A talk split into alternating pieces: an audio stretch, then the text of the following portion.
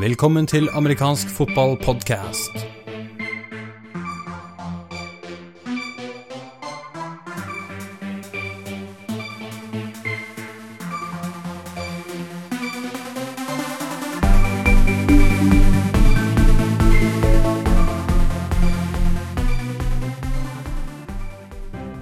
Velkommen til episode 21 av amerikansk fotballpodkast. Mitt navn er Jarl Magnus Henriksen. Jeg er en av gjestene i dagens sending, sammen med Stefan Aud, som ble kåret til årets dommerkollega. Vi skal snakke med han i periode én av sendingen. I periode to så har vi tatt turen til Kongsvinger, snakke med Erik Fjellum, som er primus motor for Kongsvinger Fortress.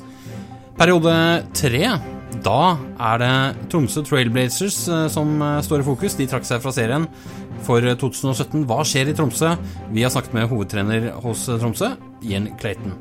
I periode fire, siste del av sendingen, så snakker Patrick Hamnøy, som er programleder for dagens sending, med undertegnede om ledersamlingen og alt som foregikk der. Da er vi klare for første periode av dagens sending.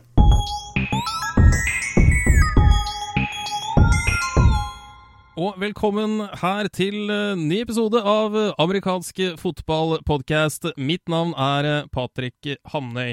I forbindelse med NM-finalen U19, som ble arrangert for en kort tid siden, så hadde vi en, for første gang trener- og dommersamling i, i Trondheim. Og på den samlingen så ble det delt ut en del priser.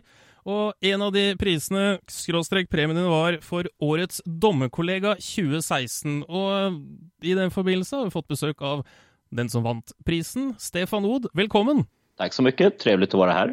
Jo, takk for at du, du tar deg tid til oss. Årets dommerkollega, hvordan, hvordan, får man en sånn premie?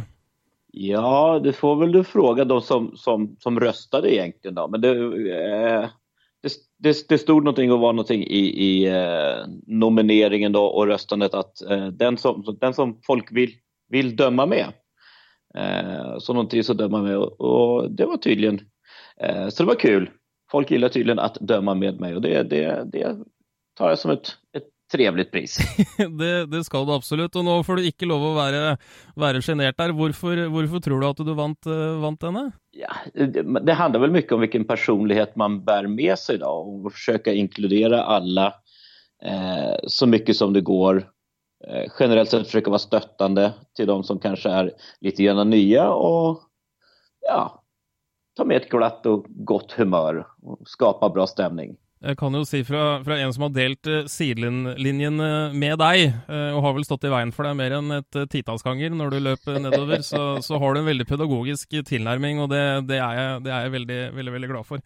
Um, hvor, hvor, lenge har du, har du, dømt? Jeg har egentlig, egentlig har jeg vel dømt i, i, i to omganger. Uh, når jeg begynte å spille fotball noen gang 89-90, så var jeg det är precis som nu då, all, alla var tvungna att döma, alla lag var tvungna att ha domare och vi var några stycken som, som eh, ja, jag har alltid gillat att engagera mig och vara med i saker och ting. Så då, då, då var vi ett gäng som dömde fotboll. Det blev ett domarlag och i, i Arlanda Jets då, som är min moderklubb så, så hade vi ganska kul tillsammans. Vi satt till liksom att göra det roligt. Så vi blev ett gäng de första tre, fyra, fem åren som, som ofta åkte tillsammans på matcher. Då.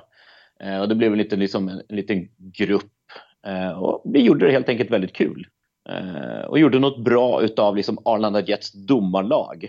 Og det var mange lag som gillade att bli dömda av oss for at de fikk ganske bra domarkunskap og ganske bra fotbollskunskap och, og noen som var der, ikke for å vise opp seg selv, men for at matchen skulle spilles og gjennomføres på beste sett. Eh, du nevnte du har dømt i, to omganger, og da kommer vi litt inn på den, den, andre delen av det. For jeg, eh, fra min tid i, i Stockholm, jeg bodde i Stockholm i, fra tidlig til, til, midten av 2000, så kjente jeg jo deg i, i all hovedsak som, eh, som trener.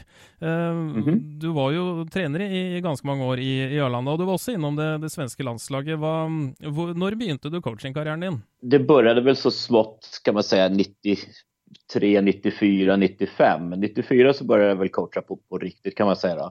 Och då var det framförallt eh, i senior och eh, juniorlaget U19 då. Och lite grann samma sak där. Alla var liksom tvungna att dra sitt strå till stacken och, och, och hjälpa till. Och, och, jag insåg väl att vara väldigt liten och vara väldigt långsam, det är en dålig eh, sak att vara på fotbollsplanen. Men om man har en hög röst så kan man stå vid sidan av planen och, och ändå förhoppningsvis göra bra saker. Så jag, jag klev av planen och, och, blev coach istället. Någon gång i det området där. Och, och vi coachet ju superserierna og högsta serierna. Jag dömde väl, jag kommer inte riktigt ihåg, men jag dömde ett par år till efter det. Eh, men sen så blev det liksom inte riktigt bra att coacha i samma serie som man dömer i. Så att, eh, det blev att jag klev av dömandet någon gång 95, 96 kanske var. Är jättedålig på årtal og coacha bare på heltid siden dess istället. Eh, du var, og nå kan det hende jeg eh, husker feil, men jeg, jeg syns å huske at du, du var berykta for din kunnskap, spesielt offensivt eh, innenfor wing 10, er det riktig? Ja, vi var et, et av det laget som spilte Wing 10. Danderyd Min Machines och det som senere med Stockholm Min Machines spilte vel en variant av det først, men vi tog det lite grann längre. Eh, och då coachade jag O-line. Vi hade många spelare från ett, ett college som eh, hette University of Wisconsin Platteville. De hade det offensiva systemet, så då införde vi det också. Vi hade väldigt många coacher som var över från Platteville till Arlanda. Vi hade spelare som vi skickade till Platteville för att gå på summer camps och sådana saker. Så vi, blev, vi lärde oss att spela Wing T väldigt, väldigt bra. Många tycker att det är otroligt tråkigt, men vi vann extremt mycket fotbollsmatcher på det. Och jag vet att man även idag skulle kunna vinna extremt mycket fotbollsmatcher på att spela riktig riktigt wing T, framförallt på juniorsidan då. Ja, hva, hva syns en, en gammel wing T-coach om uh, hvordan fotballen eh, ser ut i dag, altså også i Skandinavia med nesten utelukkende pasningsbasert og spread, spread, spread?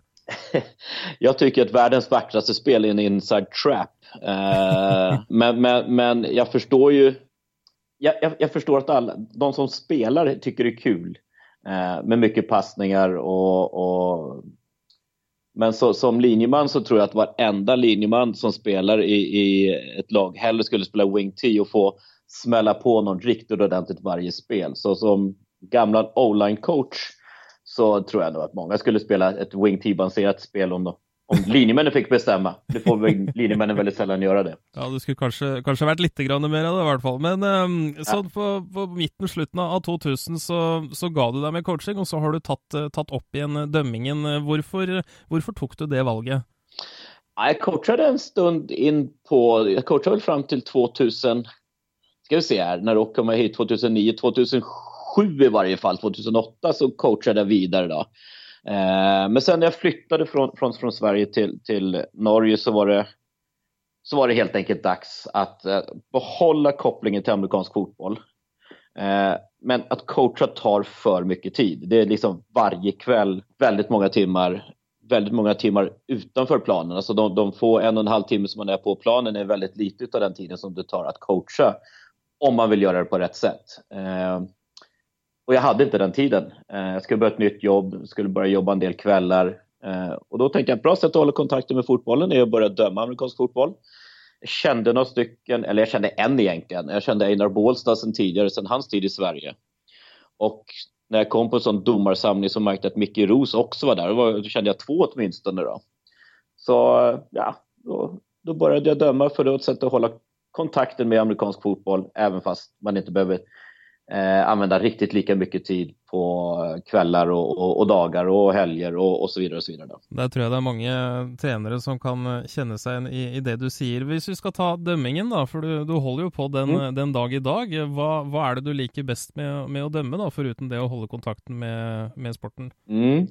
Det finns väl två, två aspekter med dömningen som jag, som jag gillar. Den ena är före och efter själva, själva matchen. Då. Det, det, det kamratskapen som finns och det, det umgänget som finns och det, vad ska vi säga, nörderiet som finns med regler och eh, lite grann den här vi mot dem-känslan. Att det är liksom domarna, så säga, vi, vi, kan regler mycket, mycket bättre än alla andra. Det stämmer inte i, eh, det stämmer i de flesta fallen. Men det finns många, många coacher som är väldigt duktiga på regler också. Så. Och inte minst under matchen så kan vi dem aller bäst. Ja, ja. Det, det, det, det kommer jeg godt ihåg. Jeg kan dømme eh, interceptions og, og, pass interferences veldig bra på bortre sidlinjen i noe hørn langt nere. Mye bedre enn dommer som står bredvid. eh, så kompisaspekten, at, liksom at umgås med fot, sådana som er interessert av fotball ved siden om, det, är den ene aspekten. Då. Eh, og den andre aspekten er den här eh, matchnerven. At, at stå, ja, stå på planen när, när det ska avgöras, eh, att vara en del av en väldigt spännande uppgörelse. Där det gäller att få styr på, på dels egna känslor men framförallt då spelarnas känslor att, att de håller sig inom ramarna för, för vad reglerna tillåter och, och se till att kampen avgörs på ett, på ett fair sätt. Då. Nå skal du få lov til å si, si din, din, hjertens eh, mening her. Norske spillere, norske trenere, hvordan, hvordan oppfører de seg? Eh, generellt sett veldig bra. Jeg har, jeg har veldig, framförallt väldigt lite problem med spelarna med at jeg oftast er midt på planen. Då. Eh, og forhåpentligvis er det et, et samspel mellom dem og meg som gjør at det, det funkar veldig bra. Sen så vet ju jag som tränare att liksom, så mycket tid som man har investerat så ibland kokar det över. Och det kokar väl över oftare för tränare än vad det gör för spelare.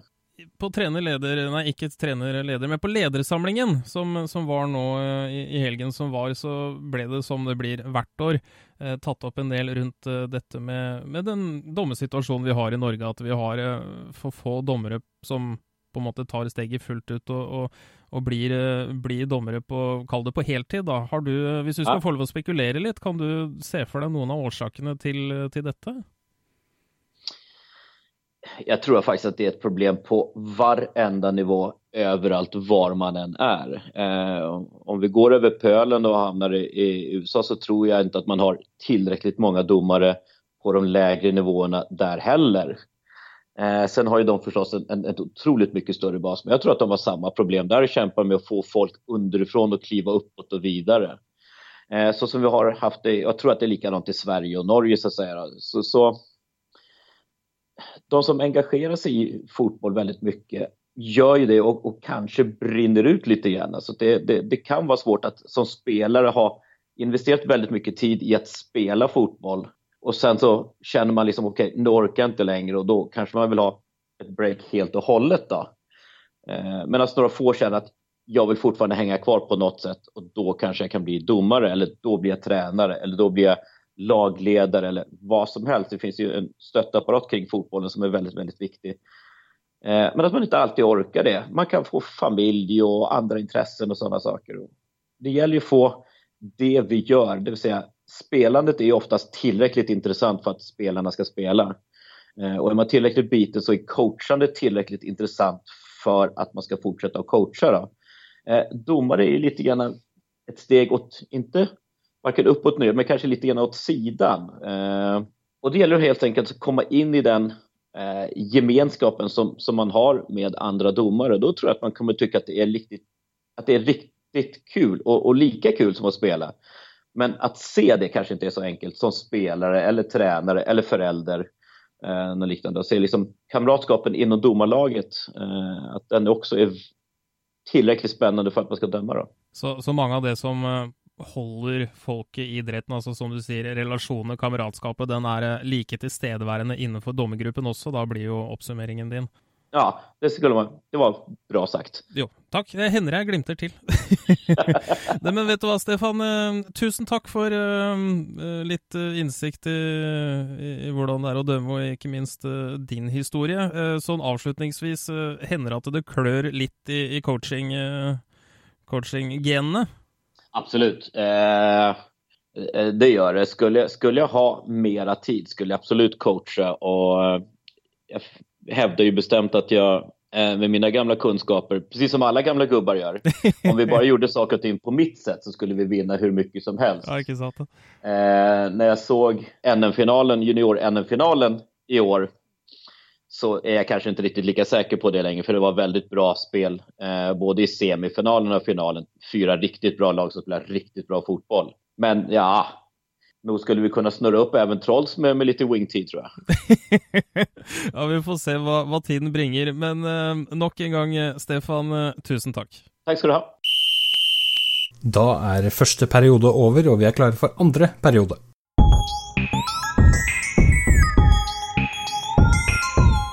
Og velkommen tilbake her til amerikansk fotballpodkast. Vi har nå tatt turen inn i de dype skogene i Hedmarken, nærmere bestemt Kongsvinger. Og Kongsvinger Fortress amerikansk fotball. Med oss i dag har vi fått besøk av Erik Fjellum. Velkommen. Tusen hjertelig takk for det. Du, det, det, navnet ditt er vel, er vel, kjent for noen som har eh, vært en del amerikansk eh, fotball i noen år i, her i landet. Hvor, eh, hvor, har du vært tidligere? Jeg stifta i sin tid Hamar Ruins, og var formann og ja, primus motor der i mange år. Og så spilte jeg på laget der i ja, ca. ti år, tenker jeg det ble. Så din, din bakgrunn er fra, fra, fra, Hamar Ruins, og når du da vet eh, hvor mye jobb det er å, å, starte klubb, så på et eller annet tidspunkt så har du fått lyst til å sette i gang på, på nytt igjen? ja, det er jo en ekstrem jobb sånn sett. Men altså, jeg brenner veldig for sporten, og så brenner jeg veldig for å jobbe med, med ungdom. Er, jeg tror amerikansk fotball er en kanonidrett som passer for absolutt alle. Og på Kongsvinger så har vi et mantra som heter 'idrett for alle'. Og det er veldig mange som eh, faller utenfor, dessverre. Altså Når du detter ut fra junior, guttelag i fotball, hockey, så har du fint lite å gjøre. og da, da tror jeg vi en, uh, har en kjempemulighet til å rekruttere mange spillere i forhold til det. Uh, samtidig som at den sporten er jo fascinerende, da. Det er jo Altså Jeg har tenkt på det i mange mange, mange år etter at jeg flytta til Kongsvinger, at det er noe som man skulle ha gjort. Og så fikk jeg et lite spark i ræva, og da, da var det vel egentlig bare å kjøre på. Da var det ingen vei tilbake igjen, som man Nei. sier. Men det, det, har jo gått fort, dette her. For dere, dere ble stiftet på, på, høsten 2015, er det riktig? Ja, stemmer. Og så vidt jeg kan se på, på hjemmesida deres, så er dere nå oppe i over 100 medlemmer. Så, så, sånn sett så har det jo gått ganske unna. Hvordan har mottagelsen vært i, i Kongsvinger? Ja, Den har vært kjempebra. Eh, vi har kjempeinteresse, egentlig. Vi, det, som, det blir jo alltid noen sånne barnesjukdommer. og jeg tror at det er viktig å stille i serie så fort som mulig for å holde interessen oppe. Det er jo en av grunnene. Andre også har vi Vi gjorde jo noen kjempebrølere i forhold til uh, gymsaler som var for små, og en del sånne småting som vi kunne ha gjort veldig mye bedre. Men vi har klart å beholde en stamme som har vært med hele tiden. Uh, og når du har en, si en 15 stykker som er en sånn fast kjerne som alltid, alltid er der, Ehm, så kan du bygge laget rundt det, og det er, det er, jo det vi har gjort. Og nå er dere kommet så langt at dere har meldt på ikke bare ett lag, men eh, to lag til sesongen 2017 eh, på vårparten her. Det er både et eh, seniorlag som skal konkurrere i andredivisjon, og det er et U17-lag som, som, som, skal konkurrere. Har, har, har dere fått noen, noen, form for kamperfaring hittil? Altså Har det vært noen treningskamper, camper eller, eller tilsvarende? Ja, vi, på en, vi var på en camp tidlig, eller seint høsten i fjor med Eidsvoll og Gjøvik.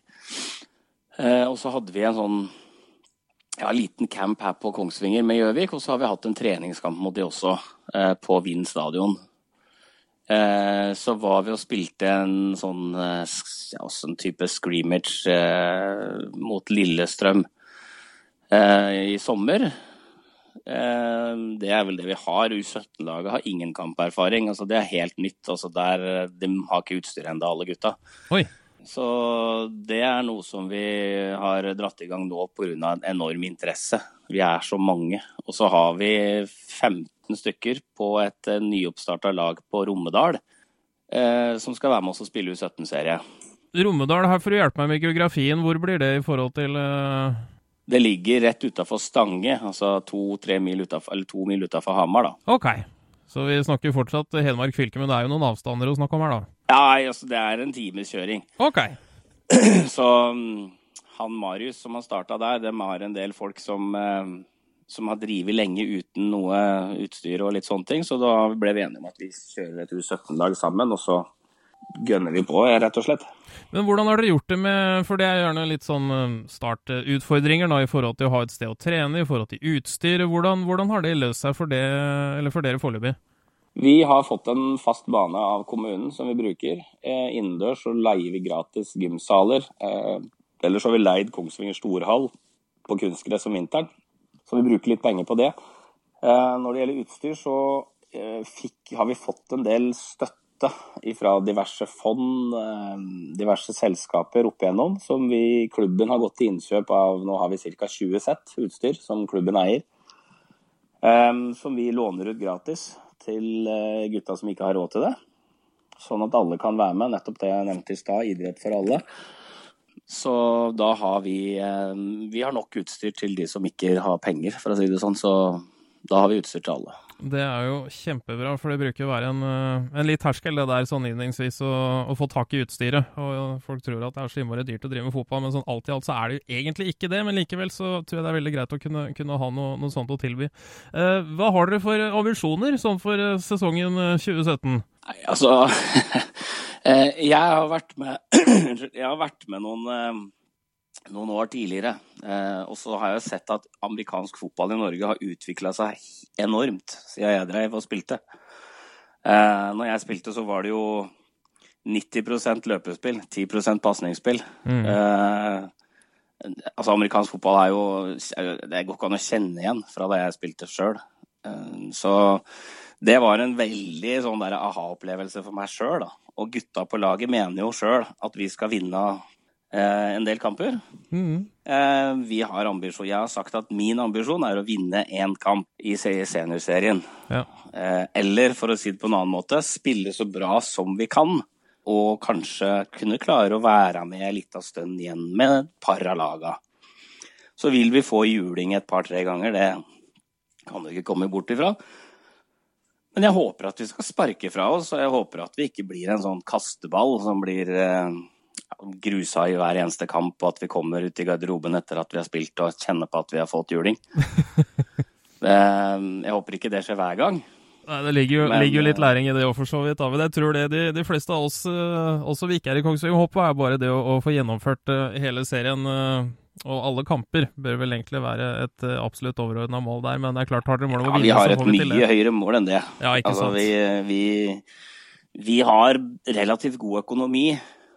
Eh, så vi har liksom de tinga på plass, og vi har bra med spillere. og så de tinga der er greit. Det vi, det vi, er urolige for, er jo liksom det sportslige sånn sett. Men jeg, vi har bra med talent. Vi har Som sagt, nå har jeg vært med til noen år, og vi har veldig, veldig mange gode spillere. Veldig mange Vi har veldig gode unge gutter som er sultne, som trener hardt, som eh, har kjempetalent. Og et par av dem hadde jo Eidsvoll veldig lyst på når vi var og var på camp med dem og lurte på om de ville være med og spille med seniorlaget deres, for å si det sånn. Så, og det var jo etter at vi hadde hatt utstyr en måned. Ok. Så vi har jo litt eh, Noen av gutta har spilt på juniorlaget til Lillestrøm i år òg. Det er en god, blir det uansett en god erfaring å, å ta med seg. Men så, sånn avslutningsvis, Erik, dette ble jeg litt nysgjerrig på. Kongsvinger, det er jo Kiel, det er Kongsvinger Nights. De er røde. Dere har valgt ja. oransje. Den er jeg litt nysgjerrig på. Altså, vi vil fylle oss ut. Eh, vi har ikke lyst til å være en del av, av gjengen på Kongsvinger, for å si det sånn. Håndballaget her og er rødt. Ja. Eh, amerikansk fotball er en idrett som skiller seg ut. Eh, derfor så skal vi være litt annerledes. Og så syns gutta her at det var egentlig tilfeldig, for vi bestilte noen T-trøyer for lenge, lenge siden som var svarte med oransje logo eller med hvor det sto 'Fortress' med oransje skrift. Og det syns gutta var kult, og siden så ble det egentlig det. Eh, men vi var enige tidlig om at det ikke skulle bli rødt og hvitt, altså. Ok, ja, da, da fikk, jeg, fikk jeg forklare på det der. Men eh, vet du Erik, da sier jeg tusen hjertelig takk, og så ønsker vi dere lykke til i eh, sesongoppkjøringa. Og så ses vi, og sannsynligvis også snakkes på vårparten i 2017. Erik, tusen takk. Tusen hjertelig takk. Andre periode er over, vi er klare for tredje periode.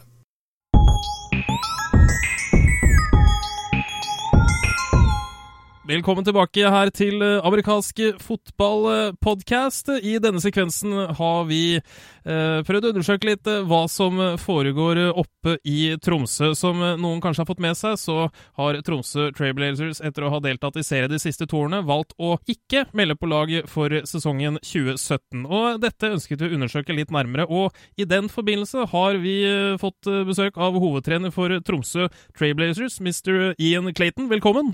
Takk skal du ha.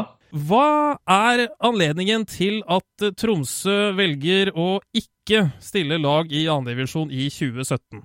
Ja, vi har sett på utvikling de siste to sesongene når vi har spilt i serie. And vi, er, vi, er, hovedsakelig en, en universitetsby. Så har vi en gjennomstrømming av spillere som går bachelor, master, hva det skal være. Så vi har mange studenter. Vi så på hva skjedde i fjor i forhold til at vi klarte ikke å stille et lag i det ene bortekampet mot uh, Jeg husker ikke motstanderen var den kampen vi ikke kunne stille. Og det var Det er ikke noe bra for ungdommer, for klubben, for byen, eller for, for, for idretten i seg selv, som, som er fortsatt en nisjeidrett her i, her i Norge. Det, det, er det, og uh, det er vel uh, i høyeste grad en, en nisjeidrett i, i, Tromsø også. Men um, vi, jo, vi hadde jo egentlig håpet å få snakket litt med noe med Tromsø når den ene kampen som dere måtte trekke dere fra på, på vårsesongen i år, men, men, det var det ikke anledning til da. hvis vi bare tar utgangspunkt i det bildet som dere har hatt på Facebooken, akkurat det bildet vet ikke jeg hvor gammelt det er, det er jo over 30 spillere. men var det ikke sånn virkeligheten var for sesongen i år? I utgangspunktet jeg ville sagt at vi har en vi har en kjerne på trening på, på rundt 20-25 spillere. Men, men, i det, og i den bildet du ser på Facebook, er det faktisk mange spillere der som kommer halvveis ut i sesongen. Uh, de har ikke spilt før. Definitivt mangel på de grunnleggende ferdigheter som kreves for å spille amerikansk fotball. Du sier også at dere er en, en universitetsby, og det, det, er klart at det, det gjør jo litt med med gjennomstrømningen av, av spillere. Altså de blir én, yeah. kanskje to år. Men på en annen side så kunne man jo kanskje argumentert for at da, da har dere jo også flere spillere som kommer inn på et tidspunkt, men der har dere vurdert det dit hen at det fortsatt ikke var nok, eller hvordan, hvordan foregikk den vurderingen? Jeg ser på det eh, som, som har vært rundt i idretten i, i ganske mange år. Og i, i, starten av, i, i, starten av, sesongen så har du mange. Du har mange de er veldig ivrige. Uh, de, de kommer på trening. Men igjen, den, den kjernen av laget som har kanskje en 10-14 spillere som er igjen, som har erfaring, og du plusser på veldig nye folk Det som skjer da, at når vi kom ut i seriespillet, når de mangler de grunnleggende ferdigheter, det er da at de, de skader begynner å oppstå. Og, og de skader som, som, oppstår, kan bety at de er ute i fra én kamp til, til, til, flere uker. Og, og, de trenger en bedre grunnlag enn det de har nå, for, for, at vi skal si at vi kan stille en hel sesong på en nivå som at spillere utvikler seg, ikke bare at de stiller opp. For, for, det, for det, holder ikke for spillerutvikling. Det holder ikke for utvikling av amerikansk fotball her i Tromsø. At vi er bare til stede så vi kan si vi er til stede. Det er et, et argument som jeg, som jeg absolutt kan, kan, kjøpe. Men nå har dere da vært med i, um, i to år. Eh, og dere har jo klart å bygge opp et lite grunnlag der, og dere velger å ta et eh, steg tilbake. Vi kan jo kalle det det nå for, for 2017. Men hva, hva, er planen videre da for, for Tromsø Trailblazers? Har, har, dere kommet, eh, rukket å snakke noe om det? Ja, absolutt. Um, jeg, jeg ville sagt at hovedgrunnlag i tillegg til det med å ikke ha det som jeg mener er nok spillere med nok, nok ferdigheter til, til, å være konkurransedyktige og unngå skader. Um, vi mistet uh, fem linjemann nå i, i, sesongen som har flyttet bort, flyttet til andre plasser, pluss to quarterbacker. Så jeg sitter igjen med, med tre linjemenn og en helt, en helt ny quarterbacken. Det er en annen grunn til å, at jeg mener ikke vi har den riktige kjernen for å fortsette akkurat denne sesongen. Jeg ville ikke kalt det for et steg tilbake, jeg ville kalt det for en steg til siden. Et steg til siden kan man jo, kan man jo også si, men hva er, eh, hva er, på en måte planen videre da for 2017, og da kanskje eventuelt 2018? Ja, 2017, 2017 jeg, har, jeg, har, en del kontakter både her i Norge og, og hjemme i England som jeg har bygd opp gjennom årene, og har allerede vært i kontakt med, med et par trenere. Og planen i år er å og har noen training camps med, med noen av de lagene her i Norge. Hvis vi, hvis vi, spiller i serien, så får vi utdelt datoer fra, fra, fra, forbundet. Og det må vi forholde oss til, helt forståelig. Mm. Men poenget er hvis de datoene faller innenfor en eksamensperiode eller et eller annet, så plutselig går vi fra, fra, fra 25 spillere til 14 spillere. Mens når vi skal ha de, de uh, de treninger med de andre lagene, så kan vi velge de helgene selv når vi vet at vi har spillere tilgjengelig. Og, og, og, for, og, for, min del, jeg mener at den treningsgrunnlag vi kan bygge opp i 2017, med, å ha training camps med gode lag, med gode og utvidede trenere, uh, trenerstaben, vil gi oss bedre utviklingspotensial og å trene her oppe, og så seriekamp med de regler som, som vi vil forholde oss til med det. Min, min, min hovedargument og, og, og, det som jeg har snakket med spillere om, snakket med styret om her oppe, at, at vi må se, se, på dette langsiktig. Kortsiktig er bare å stille opp i serien, spille kamper, kanskje få juling, kanskje få noen skader. Kanskje får vi en seier som vi fikk i fjor. Men jeg ser ikke det som utvikling. Jeg, jeg syns det er en stillestående situasjon. Har, vil jeg utvikla det som skjer her oppe? Jeg mener vi kan gjøre det med å bli bedre på grunnleggende ferdigheter. Trene med, med mer erfarne spillere, trene med mer erfarne og trenere i, i situasjoner vi kan kontrollere bedre selv utenfor vårt nivå.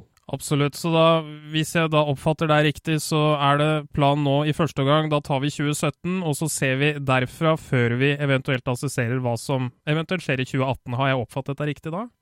Ja, absolutt. Vi, vi har um, uh, da, da, jeg la frem mine tanker sammen med andre sine tanker, vi diskuterte dette på en spillermøte, og, og, og spillere, spillere innforstått på det og var, var enig i de avgjørelser klubben tar. Og, og, og, vi ser frem til å, å, å komme tilbake sterkere fra dette. her, på grunn av, Jeg regner med vi kommer til å ha det samme antall spillere i år som vi hadde i fjor. Men, men, jeg mener det er mer viktig for dem å utvikle seg som spiller før vi utsetter oss for, for, for den, den, type konkurranse der vi er, er, nødt til å bare være der. Så, så, så absolutt det, at vi tar en steg til siden nå, har har ingen betydning for planen for, for klubben. Og, og, planen er det er 2018.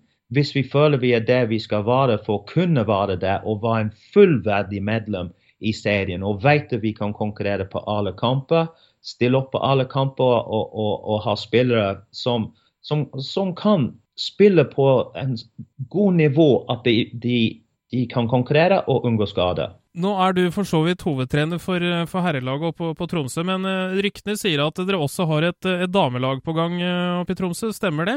Ja, vi har, uh, vi har en, en, liten kjerne på de som kommer på trening mellom syv og, og, syv og ti jenter som spiller. Og, og for tida er det en, en del av seniorlag sine treninger sju til ti jenter som, som, er med der nå. Det er ingen, ingen planer om å melde de på steder allerede til neste år, da, med andre ord?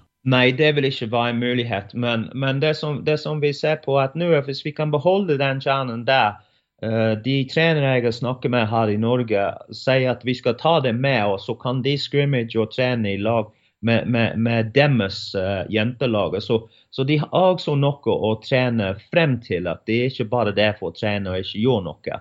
De, de har noe de kan se frem til, de òg. Det er eh, spennende det som skjer der oppe uansett, og vi håper jo selvsagt at eh, vi, vi får se dere i, i seriespill uh, fortere enn en senere. Men sånn avslutningsvis, Ian, vi snakket jo litt sammen før, um, før vi begynte å, å, å, spille inn denne podkasten, og det, det, viser seg at du, du, har en ganske lang erfaring fra amerikansk fotball, både generelt, men, men også her i Norge. Når, når begynte du med, med amerikansk fotball? Ja, det ville vært helt tilbake i slutten av 1996, da jeg først flyttet til, til Norge. Så, så, bodde jeg på Sandnes. Sandnes-Stavanger-regionen, altså? Ja. ja. Og der så jeg en plakat en dag når jeg var ute og gående i byen, at hvis det var noen som interesserte i amerikansk fotball, så var det et lag. Så jeg stilte opp og sa jeg har ti års erfaring. Jeg, jeg, jeg, har spilt og trent, og hvis dere har bruk for mine kunnskap, vil jeg gjerne være med. Og det gjorde du. Og det gjorde jeg. Og da var du også trener for en, for en spiller som vi, vi, begge kjenner. Hvem var det? Ja, jeg, jeg dukket opp, duk opp, dit, og så kom jeg bort i en uh, ganske ung og ganske slank og tynn uh, fyr som heter Henriksen. Dette han snakker om nå, er altså Jarl Magnus Henriksen, redaktør for amfotball.com. Hadde du sett for deg når du møtte ham første gangen at han skulle bli en av de dominerende fotballmediepersonlighetene vi har? Vet du hva? Etter noen måneder med han, så kunne det tide på. Gutten var, gutten var som en svamp, og vi blei vi ble venner. Og, og, og, den gutten var, var, oppslukt i statistikk, spillemuligheter. Han, han ville lære alt. Han ville, han ville, høre alt jeg hadde å si. Og, og, vil gjerne ha en diskusjon om, om forskjellige ting fra college, fra NFL. Så, så faktisk uh, ja, det, det var ikke helt fremmed at gutten skulle, skulle videre med den interessen. og det kan vi vel trygt konkludere med at den, den, den, interessen har ikke tatt slutt. Jeg syns det var litt artig at vi, vi tok med det på, på, tampen der. Men uh, Ian Clayton, hovedtrener for Tromsø Trailblazers, uh, tusen takk for tiden din, og så får vi håpe at vi prates uh, om litt. Ja, det vil være fint. og vi, vi, gleder oss til sesongen som kommer. I serien eller ikke i serien, det, det, spiller ikke noen rolle for oss. Vi skal spille amerikansk fotball, og, og, og, vi skal utvikle idretten her oppe i Tromsø, og håpeligvis være en del av den utviklingen her i Norge. Tredje periode er over, vi er klare for fjerde og siste periode.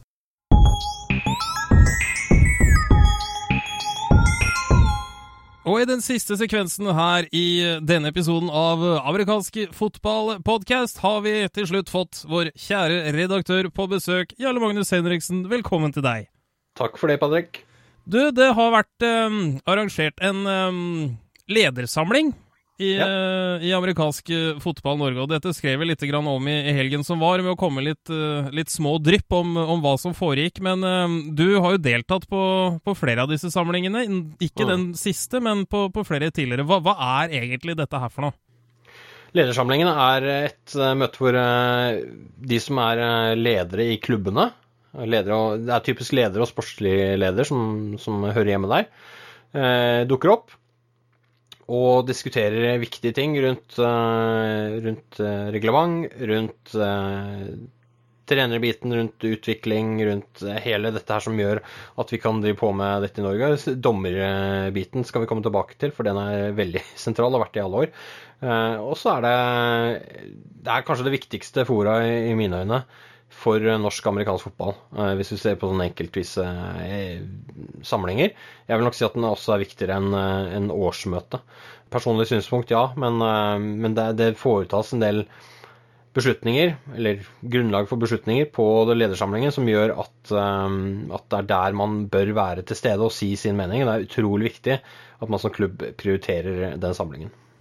Hvis du skulle ta et eksempel da, på mm, hva slags type avgjørelser som, som fattes på en, på en, slik eh, ledersamling, eh, hva, hva kan det være? Kampreglementsendringer. Eh, kampreglementet som styrer mye, mye rundt kampene og hva man kan gjøre som klubb, eller lag egentlig, på de forskjellige nivåene. Det er det en frist for tidligere på høsten for å komme med forslag til. Og så er det sånn at det er, er vel seerutvalget primært i eh, forbundet som eh, går gjennom og, og ser på innkommende forslag, og ikke minst sine egne. Det er veldig mye forslag som opp gjennom tiden har kommet fra forbundet selv. Kanskje ikke så rart, for det er, det er gjerne der man har et overordnet syn på, på tingene. Mm. Ikke at det, det, ikke finnes i gode klubber òg, men det er klart det handler litt om hvilken situasjon, hvilken rolle man sitter i. Så lager de forslag til endringer på kampreglementet. Det er ikke sånn at de endrer hele reglementet hvert eneste år, men det har blitt eh, bastardisert gjennom mange år. Stygg måte å si det på, men det, er ikke alltid jeg er enig i de endringene som foretas. Noen ganger så er det endringer som er, er nyttige, veldig bra. Presiseringer som trengs fordi noen har eh, tolket det helt annerledes. Og noen ganger så er det endringer som ja, drar oss i retninger som kanskje ikke alltid er like heldige. Uh, igjen, dette blir en her er en, Dette er grunnen til at ledersamling er viktig å være til stede på, fordi man er med og diskuterer dette her, uh, ser på endringene, kommer med sine uh, tanker rundt det. Og hvis man har med alt mulig av perspektiver da på de endringene som foretas, og, og det gås gjennom grundig nok, så bør man ha et godt grunnlag som et forbund for å ta en god avgjørelse på veien videre. Ja, I forbindelse med dette hva skal jeg si, endringer av kampreglementene, har det kommet noen, noen endringer på, på, årets ledermøte som du mener er verdt å, å trekke fram? Ja, eh, det har kommet eh, flere, utvilsomt. Eh, dette som går på f.eks. importer og, og, hvor mange man kan ha der, det har vi for så vidt tatt opp tidligere i høst, for det var høyt oppe på agendaen når det var møte for eliteserie- og førstedivisjonsklubbene. Så jeg går ikke spesielt inn på det nå. på en måte avstemming og, og, tanker rundt det dukket opp igjen på ledersamlingen.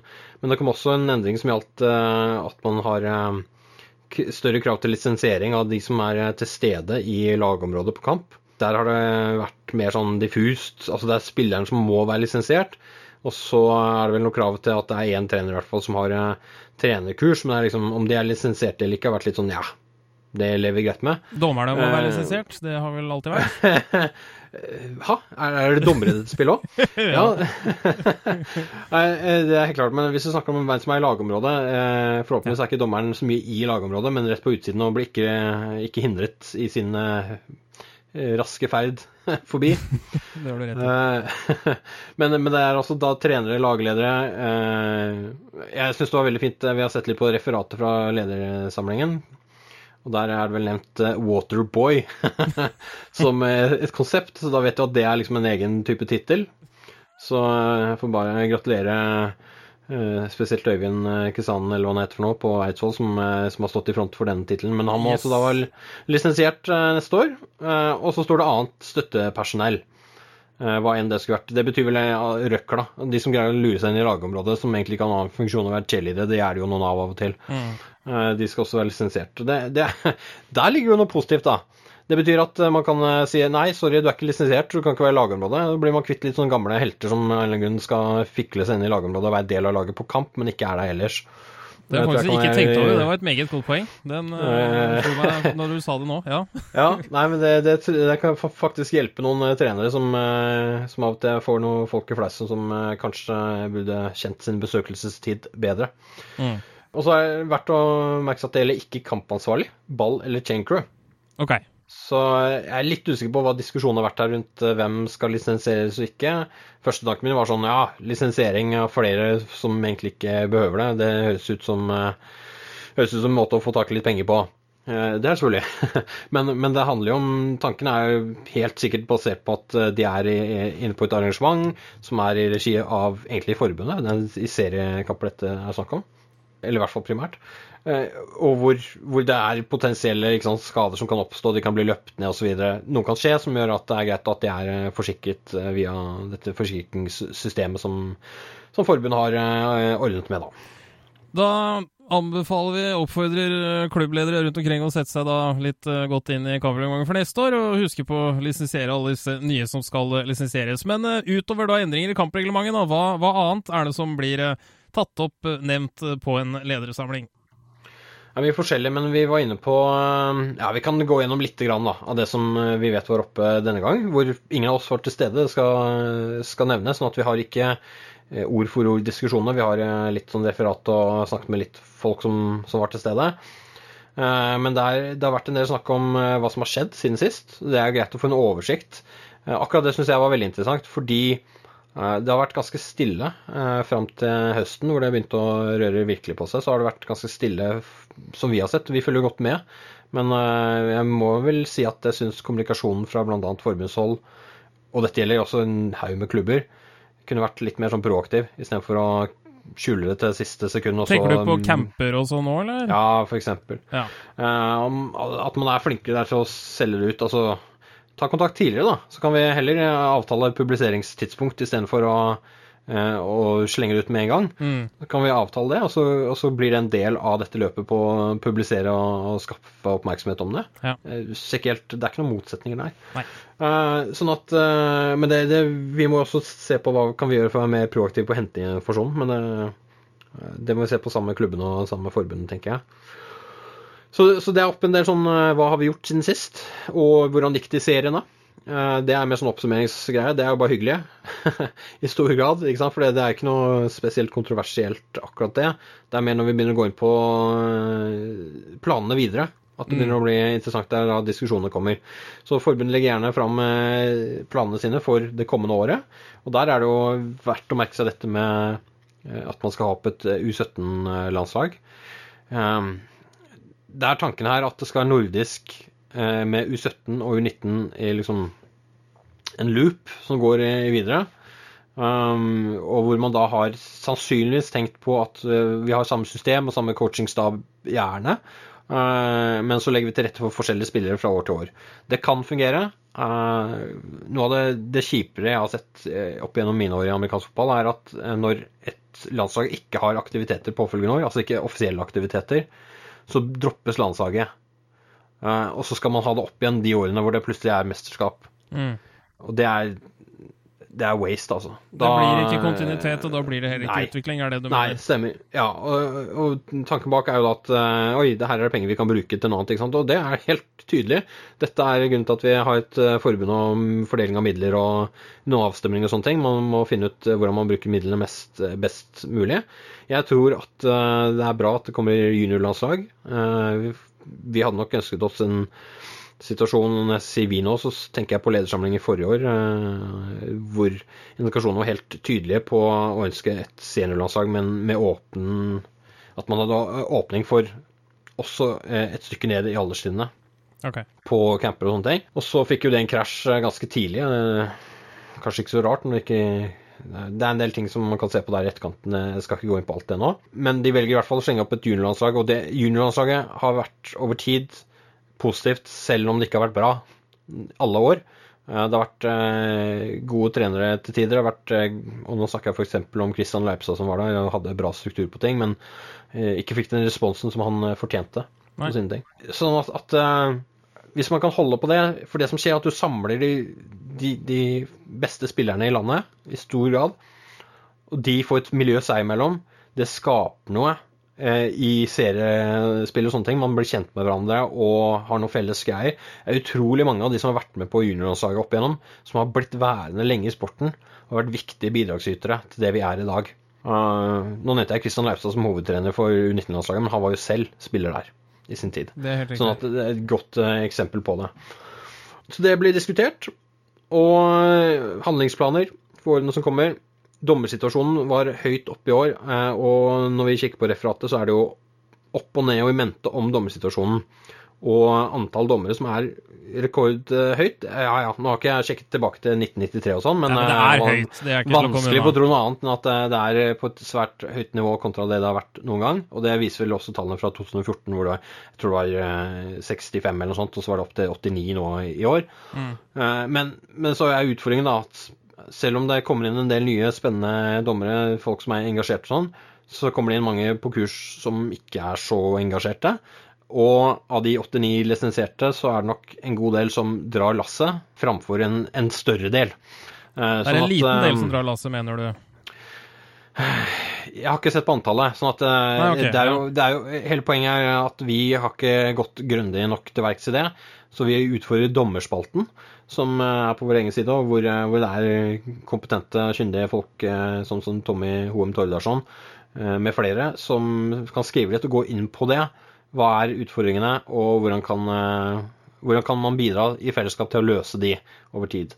Jeg tror ikke det er Det er liksom ikke løst i løpet av én artikkel, for å si det sånn. Men det er, nok, eh, det er, nok, en del grep klubber kan gjøre, bl.a. med å finne fram til ikke bare engasjerte, men også folk som har litt grunnlag for å kjenne sporten, og sende de på kurs. Men det, som sagt, eh, vi overlater det litt til Tommy og kompani og kikke videre på det. Det tror jeg kan være rett eh, sted.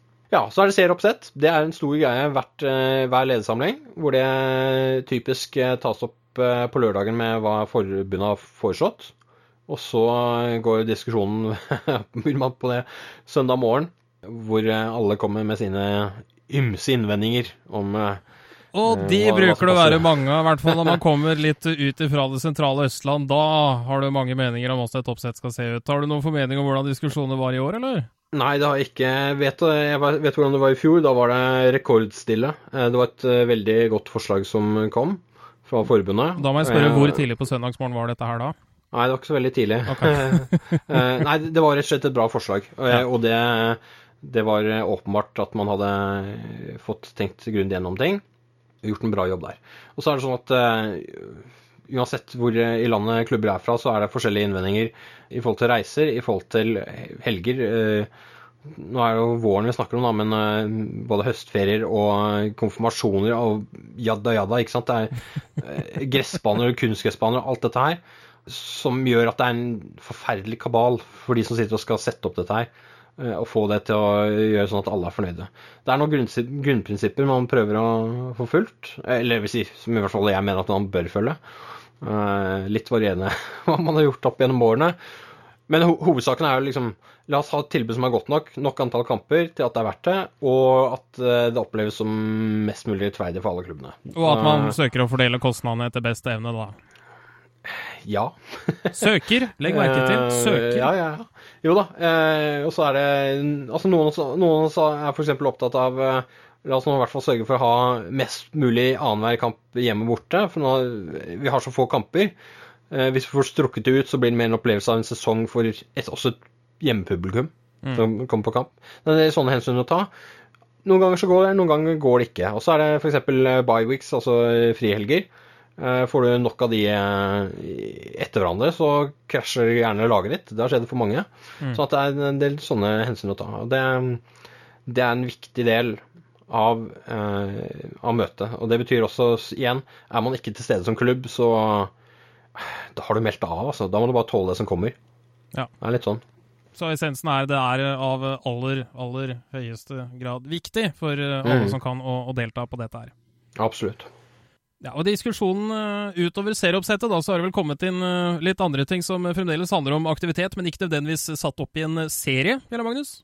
Det har det. Eh, Det ble tatt opp noe rundt eh, U13, som er det yngste nivået. eh, Og som det ikke har vært seriespill og sånne ting på. Og det eh, kommer vel heller ikke noe som man kan kalle- seriespill, men eh, tanken er å kjøre en del felles eh, samlinger type jamboree.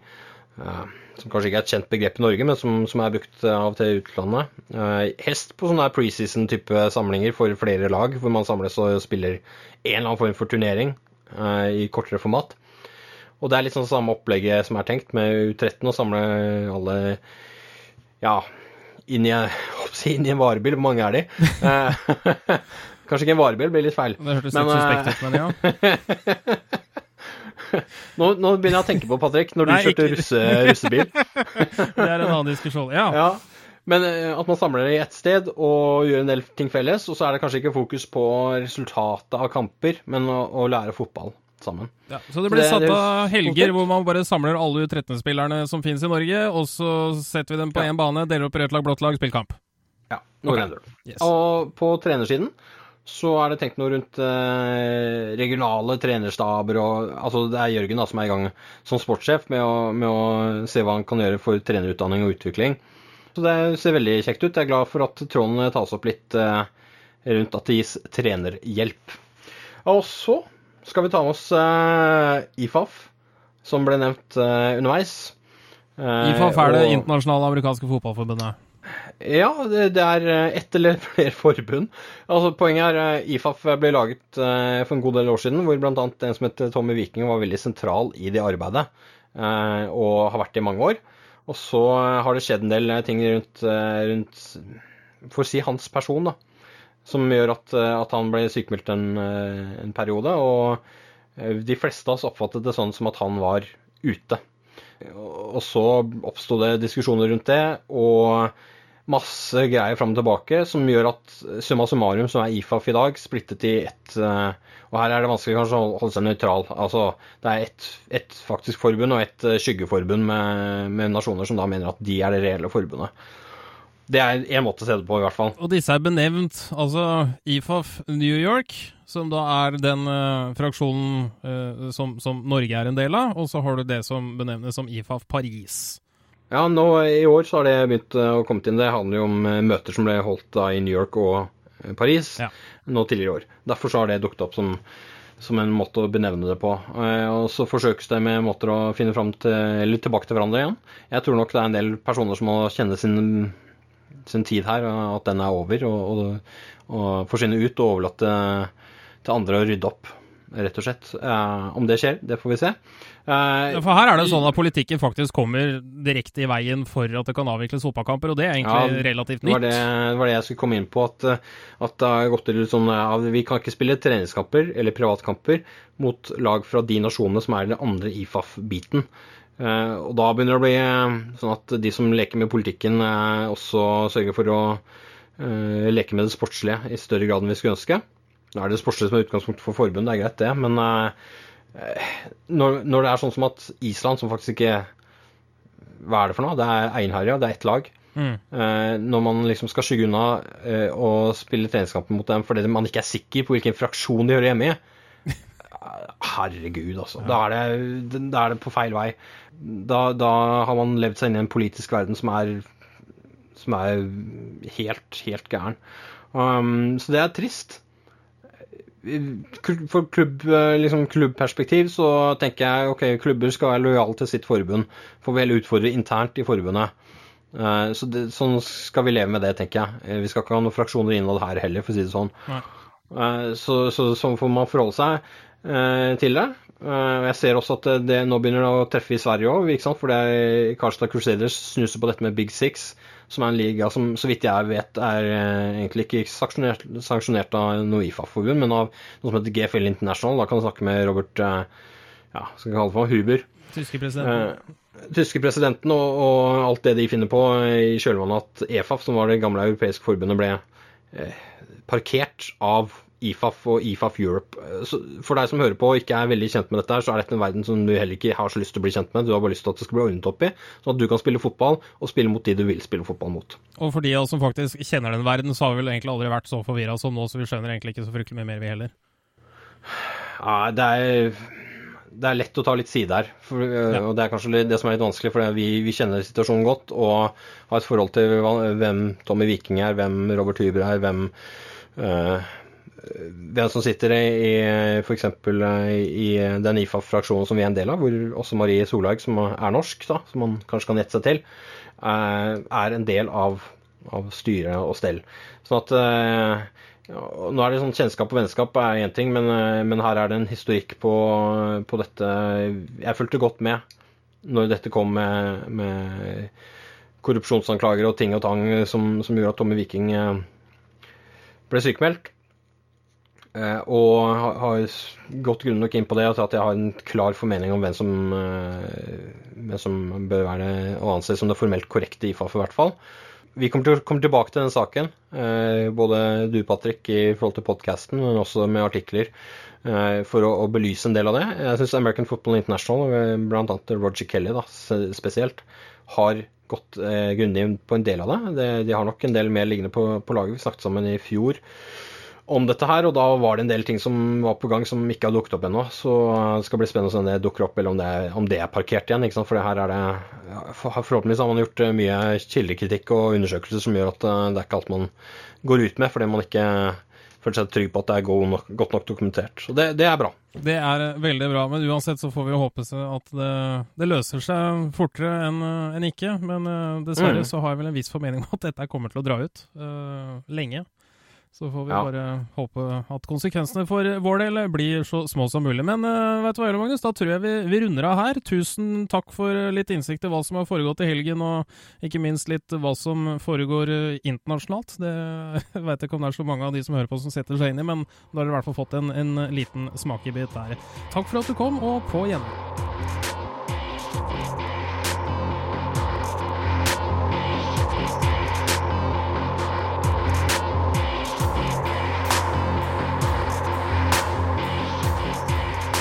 Amerikansk fotballpodkast er over for i dag. Vi takker for følget. Følg gjerne med på amfotball.com, så høres vi snart.